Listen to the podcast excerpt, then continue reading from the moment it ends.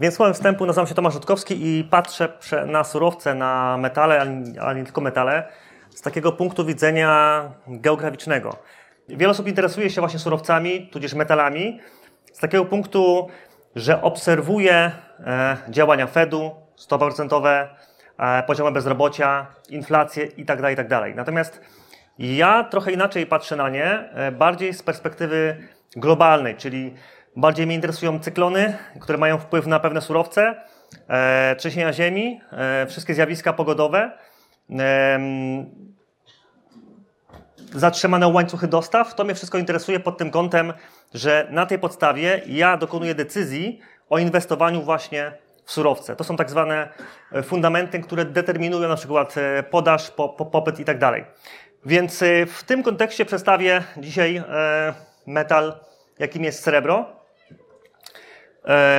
I srebro, jak wiemy, jest bardziej już metalem przemysłowym niż takim stricte inwestycyjnym. To się trochę pozmieniało.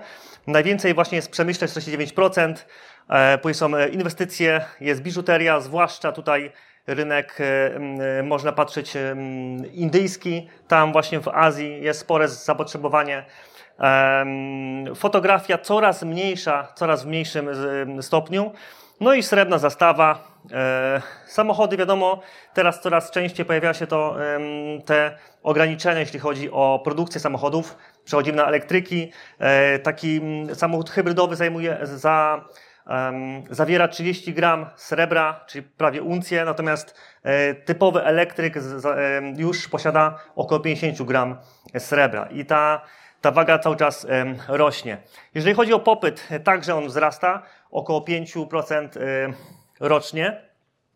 Na samą fotowoltaikę popyt także rośnie i to widzimy, mimo że producenci e, paneli zmniejszają tą ilość srebra, bo e, obecnie panele mają tak około od, 8, od 6 do 8 e, tutaj e, gram na, na, panel, jeśli chodzi o, o, o, gramy i to się zmniejsza. Więc mimo, że zapotrzebowanie wzrasta i produkcja wzrasta, to tego jak gdyby technologia pozwala na mniejszą, mniejszą ilość srebra użycia do, do tych właśnie celów. Ważne jest wydobycie i wydobycie ostatnio oczywiście wzrosło o 5,3%, natomiast całkowita podaż jest troszkę wyższa. Tu jest, wchodzi w też to recykling i to tam daje całą, e, całą podaż. Natomiast popyt jest o wiele większy niż e, podaż srebra. I będziemy mieli z tym problem, ponieważ e, roczna produkcja szacowana złota będzie wzrastać 1,6%, natomiast roczny popyt będzie wzrastał 5%. Czyli mamy około 3,5% na minusie.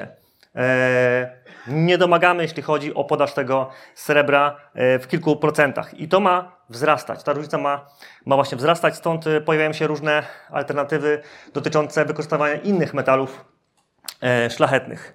No i recykling to jest 17% mm, całego całego srebra, jeśli chodzi o produkcję, o, o podaż, to 17%. 7% rocznie wzrasta ta, um, 7% rocznie wzrasta ten recykling.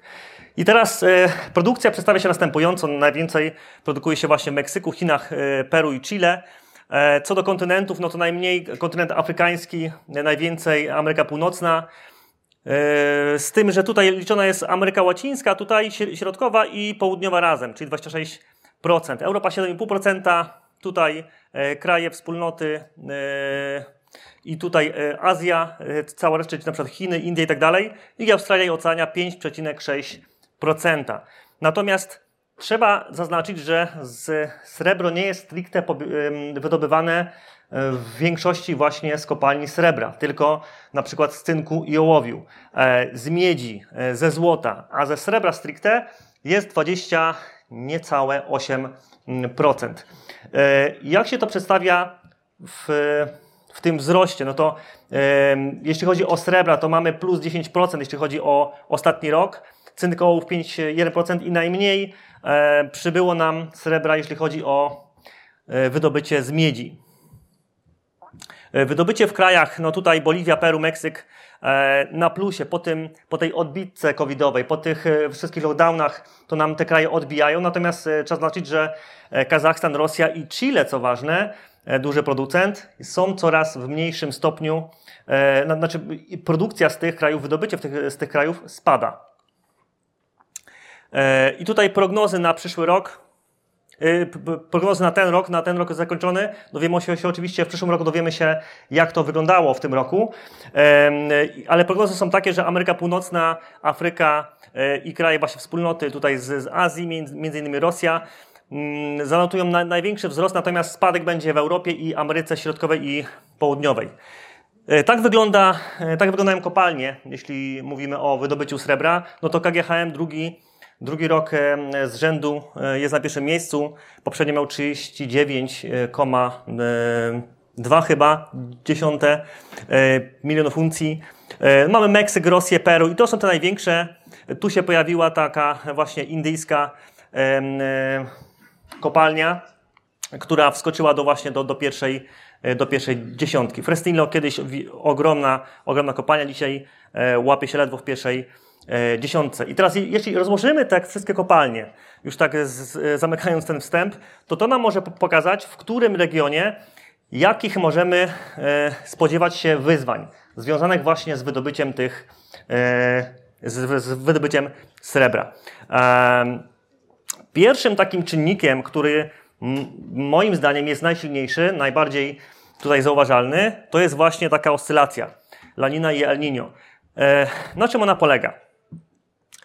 Na oceanie spokojnym paruje woda i w zależności od tego, jak wieją pasaty, czy są silniejsze, czy, czy są trochę e, wolniejsze, wieją tutaj w stronę e, zachodu. I teraz, gdy są silniejsze, to przenoszą tą całą wyparowaną wodę na e, właśnie Australię i tutaj Azję Południowo-Wschodnią, gdzie powodują liczne powodzie, deszcze, podtopienia. To samo dzieje się tutaj właśnie Madagaskar, Mozambik, Zimbabwe, RPA, i tak dalej. I tu możemy spodziewać się mm, problemów w tych kopalniach, które nie są na to przygotowane, albo e, z jakich względów poczyniło to szkody w transporcie.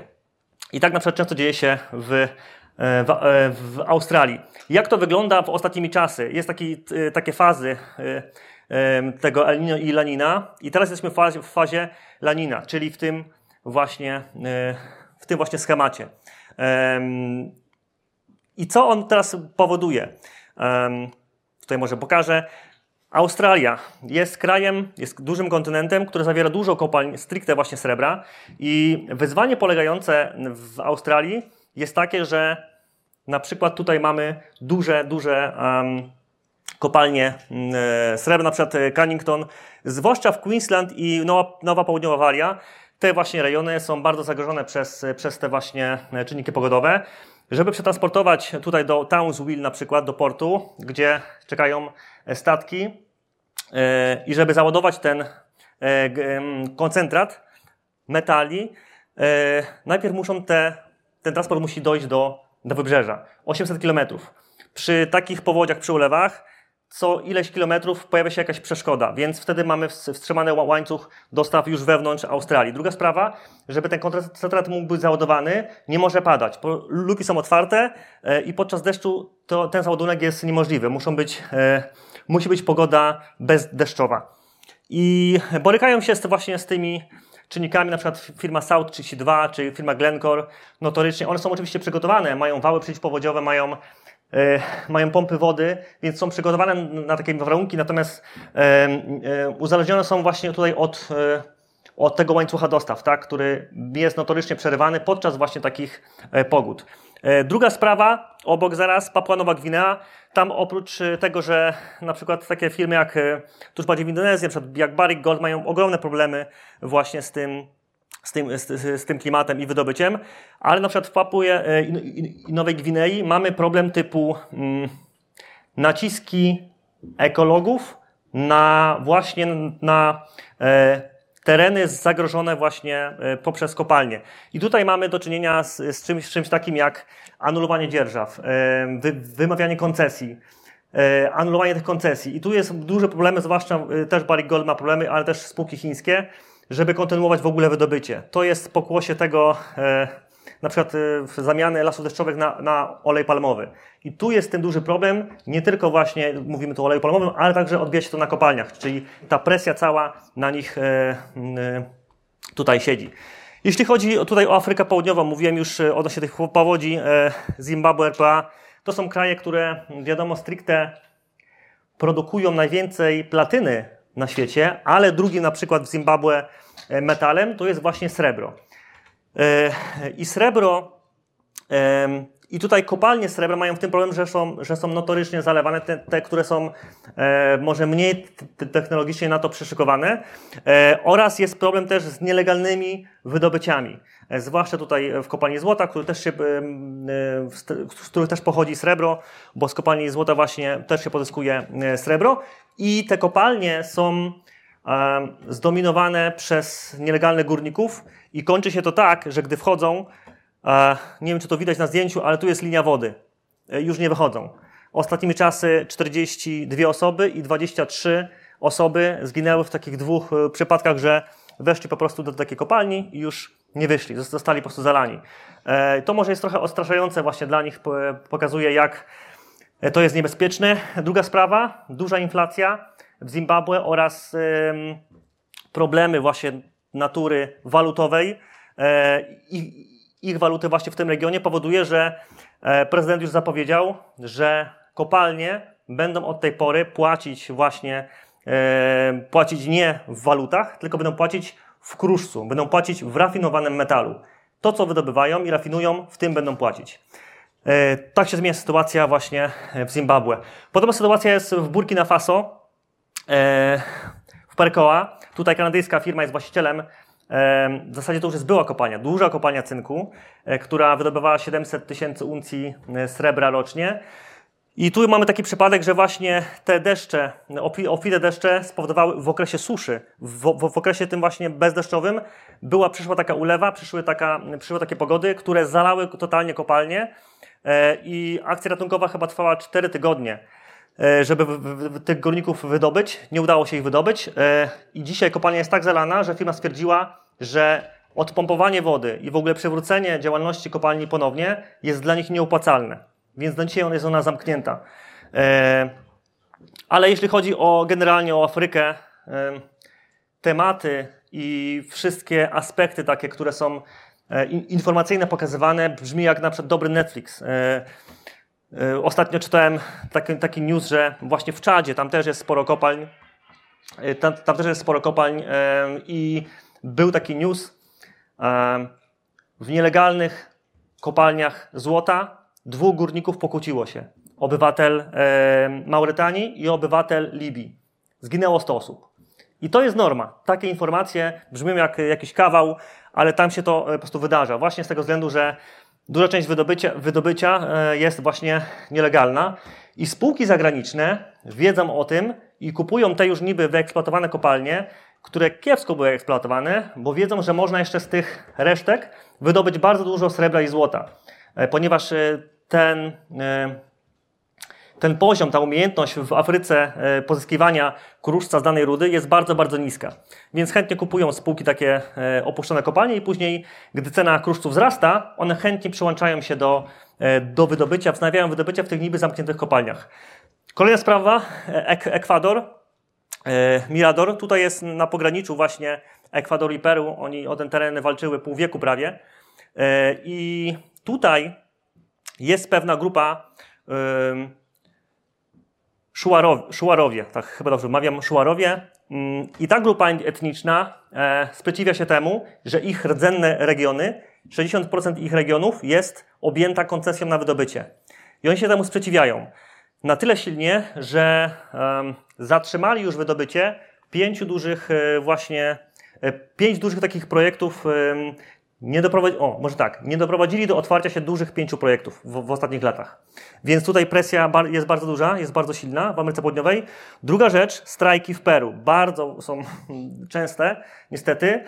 E, nie ma co się dziwić. To jest region, właśnie to jest kraj, gdzie zabiera się ludziom tereny. Mówi się, że dostaną za to, e, będą przesiedleni w odpowiednie miejsca, dostaną za to odpowiednią zapłatę. Później okazuje się, że tej zapłaty nie ma e, rejon jest zanieczyszczony i nawet ludność, która jest, mieszka dookoła tej kopalni, jest z, z, mniejszością, jeśli chodzi o zatrudnienie w tych kopalniach. I oni chcą to zmienić, chcą mieć procent od wydobycia i chcą w ogóle pracować w tych kopalniach. No i jak widać na zdjęciu, strajki są ogromne. Po prostu setki tysięcy ludzi potrafi przyjechać, nawet z innych krajów, i taką e, kopalnię zablokować. Wprowadzane są stany wyjątkowe. E, rząd oficjalnie zapowiada e, w, w, w, danym roku, że na przykład podaż srebra będzie mniejsza o tyle i tyle milionów uncji. Tu mówimy o brakach w milionach uncji. Więc te strajki są dużym, dużym e, tutaj problemem. E, jeśli chodzi o Peru, e, Cerco de Pasco i tutaj to jest miejsce, to jest kopalnia, która ma największe złoża srebra w jednym miejscu. Większe od KGHM-u. KGHM ma chyba 41 tysięcy ton srebra, tutaj jest 43 prawie tysięcy ton srebra. Jaki tu jest problem? E, że ludność się nie chce wynieść i nie chcą dopuścić, żeby ta kopalnia się rozszerzała. Jest wolna Amerykanka. Od 2012 roku w tej kopalni i dookoła w tym rejonie e, wprowadzono stan klęski środowiskowej. Jest totalnie nie, nie, do zamieszkania ten rejon, mimo to ludzie w, nim mieszkają. Swoją drogą e, linię kolejową zaprojektował tutaj polski taki architekt e, Malino, Malinowski, e, chyba Ernest. Bardzo popularny generalnie w, w Ameryce Południowej. I e, tutaj też zaprojektował linię kolejową, którą było bardzo trudno generalnie e, umieścić. I tak wygląda wydobycie właśnie e, w tym miejscu. Bardzo miejsce zanieczyszczone i też oczywiście firmy takie jak Glencore, e, które przejmują e, te poszczególne rejony tej kopalni, zganiają winę na poprzedni, że środowisko jest zanieczyszczone, ponieważ poprzedni, poprzednia firma, poprzednia spółka, która to wydobywała, ona to zanieczyszczyła. No i spółka ta poprzednia mówi, że nie, no poprzedni, oni już to odziedziczyli. I tak każdy po każdym odziedzicza i nikt nie chce posprzątać tego kolokwialnie mówiąc, bałaganu, e, stan klęski środowiskowej trwa. Więc nie jest to dobre miejsce na, na wycieczki, ponieważ grozi po prostu grozi zdrowiu. Kolejna rzecz, Chile. Tutaj w Chile głównym problemem, takim wyzwaniem co do wydobycia nie tylko srebra, ale innych także metali, jest woda, jest brak tej wody. Widzimy taką wielką dziurę i ostatnio to są właśnie szkody po, E, pokopalniane. I ostatnio właśnie rząd e, e, Chile zapowiedział, że w tym rejonie, gdzie, występują te dziury, te właśnie efekty negatywne działania kopalń są kompletnie wykluczone z działalności górniczej. Czyli mamy tu już kolejne ograniczenie, bo ta dziura powstała niedaleko ogromnej, jednej z największych na świecie kopalni miedzi, która także produkuje srebro. E, a tu jeszcze, jeszcze tak e, w ramach wyjaśnienia sytuacji generalnie w, w, w Chile, to Chile tkwi od e, kilkunastu lat, chyba 13 lat, jest taka wielka narodowa susza, największa jaka nawiedziła ten, ten kraj. 10% opadów mniej co 10 lat, czyli 1% rocznie. I to tempo wzrasta. Do 2000 roku 50 ma być kolejne 50% mniej opadów niż jest teraz. E, nie ma się co dziwić, kopalnie niektóre pobierają 6 e, miliardów litrów wody dziennie, czyli tyle, ile jest zapotrzebowanie takiego miasta liczącego 100 tysięcy rodzin. Więc nie ma co się dziwić, że oni tą wodę e, tutaj mm, zaczynają szanować, dostrzegać. Zresztą Chile mają Andy. Z miast wielu widać E, zaśnieżone szczyty Ant. E, do, do tej pory e, właśnie z tych zaśnieżonych szczytów woda spływała, teraz są korytarze jak puste. I to jest kraj, który jest najbardziej, w którym woda jest najbardziej sprywatyzowana. Nie ma innego kraju na świecie, który miałby tak sprywatyzowaną wodę. Więc też nie zależy firmom prywatnym, żeby polepszać jakość dostarczania tych sieci, prawda? Guatemala, Escobar. To jest trzecia największa kopalnia, jeśli chodzi o potencjał wydobywczy na świecie. Potencjał ma 20 e, tysięcy uncji e, rocznie, 20 tysięcy, milionów, przepraszam bardzo. E, czyli po, połowę tego, co KGHM, bo tam 40 z hakiem, 20 milionów uncji rocznie. Duży potencjał, ale jest zamknięta. Zamknięta z powodów właśnie środowiskowych i społecznego sprzeciwu. Społeczny sprzeciw jest na tyle silny, że e, Gwatemala w zasadzie walczy z nimi, są represje. E, w ostatnim czasie 40 kilka osób zginęło właśnie z tego powodu, że się sprzeciwiała. Są, są takie stany wprowadzane, że nie mogą wyjść, wychodzić ci ludzie z domów w ogóle w tym regionie. Kto wyjdzie, to jest po prostu łapanka. Zabijane są zwierzęta tym najbardziej właśnie zagorzałym e, przeciwnikom. E, referendum odbyło się. 88% jest za, za anulowaniem działalności kopalni, za tym, żeby nie, żeby nie była ponownie wznowiona. No i jak się odbyło to oficjalne referendum, to nagle rząd stwierdził, że w zasadzie to, to referendum to było taka, taka, takie badanie, żeby zobaczyć nastroje społeczne. I z tym znowu też się też zdenerwowali, że e, referendum się odbyło, wszystko było oficjalnie, natomiast tutaj potraktowali to jako badanie nastroju społecznego. E, konsultacje trwają, Nadal jest zamknięta kopalnia. E, z tym wydobyciem mogłaby spokojnie być w czołówce światowego wydobycia. Natomiast konsultacje skończą się na początku roku 2023. Co dalej będzie, zobaczymy. Druga e, kopalnia w Gwatemali. Podobny problem, lecz już e, trochę inny, trochę inne zaangażowanie, jeśli chodzi o sprawy międzynarodowe, ponieważ tu się dołączyło do strajków, do tego sprzeciwu. E, Salwador, e, Salwador i, i, i, i, i Honduras. E, dwa te kraje, ponieważ kopalnia jest zlokalizowana w tym miejscu, gdzie rzeki rozchodzą się właśnie na te, na te trzy państwa i zatruwają środowisko. I nie chcą dopuścić, i tu też było referendum, 89% było przeciw. No i tutaj znowu rząd ten referendum nie uznał. Ale że jest tak silna presja międzynarodowa, no to uznali, że idą do Trybunału Praw Człowieka. I już tu już poszło, kolokwialnie mówiąc, na grubo.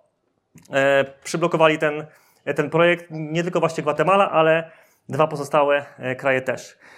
No i Meksyk. Mamy tutaj e, w ostatnim czasie ban na odkrywki, czyli rząd stwierdził, że zanieczyszczenie środowiska jest silne do tego stopnia, do tego stopnia jest, y, odczuwa skutki tego zanieczyszczenia poprzez właśnie kopalnie, że e, anulują wszystkie nowe e, projekty, wszystkie nowe koncesje, które chciałyby wydobywać e, właśnie tutaj, co, już nie mówię o srebrze, tylko mówię o właśnie o spółkach wydobywczych.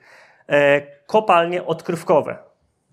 Kopalnie odkrywkowe nie można obecnie już postawić, e, kolokwialnie mówiąc, właśnie w Meksyku z tych właśnie, z tych właśnie powodów, że e, uznali, że to jest taka szkoda dla środowiska i taka jest presja społeczna, że nie można już tego, tego robić. I tutaj mamy takie przedstawienie, może mapa sytuacyjna na sam koniec, jak wygląda sytuacja na świecie, jeśli chodzi o producentów głównych, o główne kopalnie, o głównych importerów, o rafinerie, o mennice i mm, ja przynajmniej patrzę na surowce właśnie z punktu widzenia mapy, czyli patrzę na mapę, jeśli w jakimś regionie coś się dzieje, to ja już wiem, z czym to może być związane, tak? Łańcuchy dostaw, czy na przykład COVID spowodował e, tutaj e, zastopowanie w ogóle rafinerii e, w Szwajcarii, w Austrii. Jeśli chodzi o o same Indie, to Indie, e, sam sezon ślubny e, w Indiach generuje zakupy rzędu 600 ton złota i 500 ton srebra. Same wesela. I teraz, co się stanie, gdy mamy, załóżmy, te covidy, wszystkie wersje inne, po kolei te lockdowny też. Co się dzieje wtedy, gdy nie ma wesel, tak? Dzieje się to, że ta, srebro takiej ilości nie zostaje zakupione, nie krąży tutaj właśnie na rynku. Druga sprawa, rolnicy, e, którzy mm, odkładają swoje oszczędności, właśnie odkładają je w srebrze i złocie. Tam jest taka po prostu taka tendencja, taka tradycja, że odkładają je właśnie w złocie i w srebrze. I jeśli mamy COVID, to oni korzystają z tych swoich zasobów, e, które właśnie zgromadzili. I tak samo sezon weselny nie ma już takiego zapotrzebowania na to złoto i srebro. Finalnie popyt ogromnie zmniejsza się, jeśli chodzi o, o indyjski, czyli drugi najludniejszy albo pierwszy, różnie jest z tymi e, dzisiaj danymi, pierwszy albo drugi najludniejszy kraj na, na świecie. E, co jeszcze? Jeśli, jeśli, chodzi o, hmm, jeśli chodzi o Australię, to tam mm, chyba jest jedna z największych takich liczb nowych kopalni srebra, które czeka na odkrycie, e, czeka na uruchomienie, bo, bo odkryte już są te złoża. Natomiast problem jest w tym, że odwierty, które robią e, cały czas, nie są w stanie dokończyć, ponieważ pogoda na to nie pozwala. E, I jeśli mm, ktokolwiek inwestuje w taki projekt właśnie w Australii, to musi się, robi, się, liczyć z tym, że jeśli mamy tam powodzie, to najpierw trzeba przeczekać tą powódź, a później trzeba przeczekać, aż trochę ta woda zejdzie, dopiero będzie można zrobić kolejne odwierty, chyba że znowu przyjdą kolejne deszcze. I to właśnie powoduje ta lanina, o, której pokazywałem, powoduje, że te przerwy właśnie między ty, tymi opadami są bardzo, bardzo krótkie i nie są w stanie kopalnie wznowić tych właśnie działań. Więc, więc dużo projektów jest tutaj zastopowanych, a, a jak już powiedziałem, tutaj znajduje się e, w Queensland e, ta kopalnia, która ma szansę stać się największą e, kopalnią srebra pod względem podaży na świecie. 6% globalnego zapotrzebowania potrafi, potrafi, potrafi dać, jeśli będzie pracowała na, na, pełnych, na pełnych mocach. Dobrze. W zasadzie e, tyle, jeśli chodzi o sprawy środowiskowe, sprawy geograficzne. Mogę tylko jeszcze wspomnieć e, Indię czy Szwecję. W Indiach jest ostatnio taka sytuacja, że gdzieś w, w ustawie nie ma, e, nie ma zawarte e, w ogóle nic o pozwoleniu na, e, nie jest zawarte mm, mo, możliwość wydobywania srebra i złota, w ogóle metali, na niskich głębokościach. E, to się nazywa deep mining i sporo, sporo spółek e, zgłasza, e, aby rząd zainterweniował, żeby właśnie żeby w ustawach móc zawrzeć takie coś, gdzie te, te, największe kopalnie, właśnie tam jest jedna, zajmuje chyba szóste miejsce, kopalnia e, srebra i jedna z większych na świecie. Ona ma problem, ponieważ eksploatacją dotarła już do pewnej głębokości i niżej nie może, bo ustawa tego nie przewiduje. Ona może mieć zgodę, ale ustawa tego nie, nie przewiduje, więc jest takie koło zamknięte. I są presje na, na to, aby w najbliższej właśnie aktualizacji tych wszystkich ustaw można było po prostu odblokować te spółki, które czekają, aby móc wydobywać srebro z niższych, niższych pokładów. E, Szwecja, mamy tu jedną kopalnię, e, to tam tylko, jeśli chodzi, bo, jeśli chodzi o Europę, za dużo się nie dzieje. Od momentu, gdy Rumunia, e, matko 2006 rok, e, skaziła e, rzeki swoje, które później finalnie wpłynęły do Dunaju, chyba cyjankiem, e, to od, od tamtego momentu bardzo, bardzo się pilnują, jeśli chodzi o Europę. Tutaj są e, restrykcje bardzo przestrzegane, nie tak jak właśnie w Gwatemali, gdzie sam rząd e, po prostu bardziej im zależy na pieniądzach niż na środowisku. W Europie te właśnie presja środowiskowa jest, jest znacznie silniejsza i znacznie od dawna to jest ta presja, dlatego nie pozwoliła rozwinąć się takim projektom, jak mówiłem na przykład w, w Peru, jak mówiłem w Gwatemali, czy, czy właśnie w Meksyku. E, dobrze, tyle jeśli chodzi o, o moją prelekcję, o to, co chciałem dzisiaj zaprezentować. Mam nadzieję, że trochę mm, rozjaśniłem ten świat surowców i metali z innego punktu widzenia, z geograficznego punktu widzenia i mam nadzieję, że więcej osób e, dzisiaj będzie postrzegało e, te surowce, ceny tych surowców bardziej przez pryzmaty, jak na przykład usłyszy gdzieś tam prognozę pogody, to pomyśli, o, pewnie zdrożeje, załóżmy gdzieś tam srebro albo nikiel. I ja pod takim kątem patrzę, dlatego zachęcam. Bardzo ciekawy świat. E, z tej perspektywy, no cóż, dziękuję bardzo.